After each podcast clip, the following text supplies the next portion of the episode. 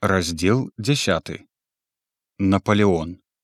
Мы все глядим в Наполеоны. А Пушкін. Як жа была маці рада, калі я неспадзявана з'явіўся. Жахі на лясных разработках не здаліся ёй жахамі. Там жа вас кармілі і ў бараках цёпла было, сказала яна нібы з зайздрасцю і пачаставала мяне кавалкам свае бабкі і настоем ліпавага цвету без цукру і без сахарыны. Смак быў невялікі. Каб наеўся гэтага хлеба без прывычкі, дык напэўна здох бы, думаў я, хвалячы бабку маці ў вочы без усякага сораму. Ёй было прыемна, што я не грэбую. І яна здаволена усміхнулася і адламіла і сабе крошачку пакаштаваць, нібы хацела яшчэ раз праканацца, што бабка смачная. Аднак яе пачастунак толькі раздражніў мяне. Есці мне захацелася страшэнна. Жаданне есці падобна да зубнога болю, ные і ные. Тады лепей чым заняцца, каб адхіліць думкі ў другі бок. Адхіліць іх не так то лёгка. Яны ў мяне троху адхіліліся, калі маці дастала з-пад ложка мой кошык з рэчамі. Сказаўшы: « Потым разбярэшся сынку. Пашпарт ляжыць з гары. Калі мяне вывезлі, яна схадзіла на маю кватэру і ўсё маё забрала. Свайму нямецкаму пашпарту я быў цяпер бясконца рад. Добра, што не было яго тады пры мне, калі яны мяне затрымалі перад вітрынаю з каўбасамі. А чаму яна сказала потым разбярэш, я вельмі лёгка зразумеў, адамкнуўшы кошык і прыадчыніўшы крышку. Разбіраць там не было чаго. Амаль усё было ўжо мною разабрана яшчэ летась, калі нам пачалі затрымліваць зарплаты ў тышкевіча.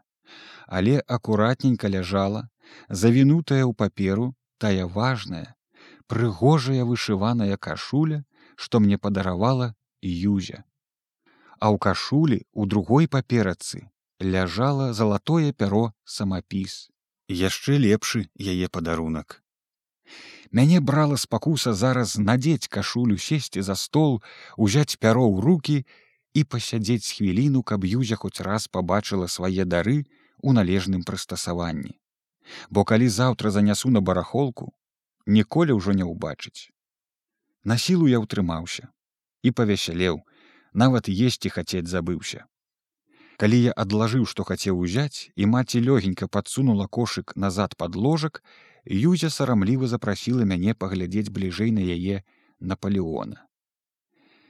Мне тады было яшчэ незнаёма гэтае матчынае жаданне паказаць сваё дзіця блізкаму чалавеку. Што там яго глядзець, думаў я. Але з ветлівасці падышоў да зыбкі, як вол на ўбой. Яна, зазяўшы радасцю і трывогаю, разгарнула лахманы і здалёку под безуважным поглядам здаваўся мне яе наполеон даволі жалкім а цяпер сэрца ў мяне перавярнулася ад жалю дохленькі паўтрупік худы худы вочы сумныя і зморшчыўся як ідыёт хацеў мусіць заплакаць і голасу не сабраў юзя казала што радзіўся ён вельмі здаровы важыў каля чатырох кіло але потым захірэў жывоцікам усё мучыцца. Янінка показала мне альбом для вершаў, што падараваў ёй казала адзін вельмі сімпатычны немец з Берліна. Яшчэ троху пасядзелі, пагаманілі, і пайшоў я зноў да дзядзькі Туркевіча, узяўшы пашпарт, пяро і кашулю. Пражыў я з ім у яго кватэры дні тры і без прапіскі. Усё думаў, за што мне цяпер узяцца. Ён раіў мне ісці настаўнікам у беларускую школу на вёсцы, або наогул як-небудзь зачапіцца на вёсцы, бо ў горадзе жыць пагібель. Галодныя картачныя чэргі на вуліцах у вільні былі цяпер і ўжо даўно звычайнаю з'яваю. Цярпліва стаялі людзі пры кожнай прадуктовай крамцы, пры кожнай сталоўцы грамадскага харчавання. Калі я праходзіў міма адной такой сталоўкі каля вакзала, прадаўшы свае рэчы пад галей, дык ад смуроду нельга было прадыхнуць, нягледзячы на сцюдзёную пару. Гэта варылі касцяную муку. Як густа замяшае, дык страшэнна смярдзіць дахляцінай. А людзі ўжо прынюхаліся, пахла ім талеркаю смачныя зупы. Рэчы свае прадаў я, можна сказаць, за бясцэн. Бо ўвесь горад прадаваў усё, што меў, а купцоў трэба было лавіць за прыпол. Пяро купіў у мяне даволі скора немец салдат з параю нашывак. А з кашуляю настаяўся я доўга, шкода ж было аддаваць дарма. Нарэшце так акалеў, так захацеў есці і так мне ўсё абрыдла, што аддаў яе за кавалак троху чысцейшага хлеба, таксама як відаць немцу, хоць быў ён у вольнай вопратцы і гаварыў па-польску. Хлеб занёс сваім, троху адрэзаў маці, а то аддаў юзе, каб давала сусолку наполеону не з бабкі, а з гэтага хлеба, пакуль яго хопіць. Ды ці надоўга ж магло яго хапіць. На грошы за пяро купіў дзясятак таблетак сахарыны, падмешваць у сусолку. Засталося ў мяне схадзіць пару разоў у сталоўку на варонюю вуліцу бо трэба ж было і мне есці. Не еўшы чалавек хутка слабне і ногі не ідуць.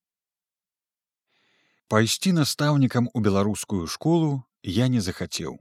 Досыць з мяне было і таго што пабыў я польскім дырэктарам у брудзянішках і наогул пасля майго быцця ў белавежы фізічная праца больш мне падабалася чым умысловая адрабіў сваё і гуляй без ніякага клопату. Так мне тады здавалася. На падворку, дзе жыў дзядзька Туркевіч, разгаварыўся я сялянінам, што прыязджаў з вёскі да свайго брата дворніка. Ён параіў мне пайсці на работу у маёнтак графа хлусніцкага, ключык пад вільняю. Я туды і накіраваўся. Пасля даведаўся, што як толькі выбраўся я з вільні, немцы прыходзілі на маю старую кватэру шукаць мяне.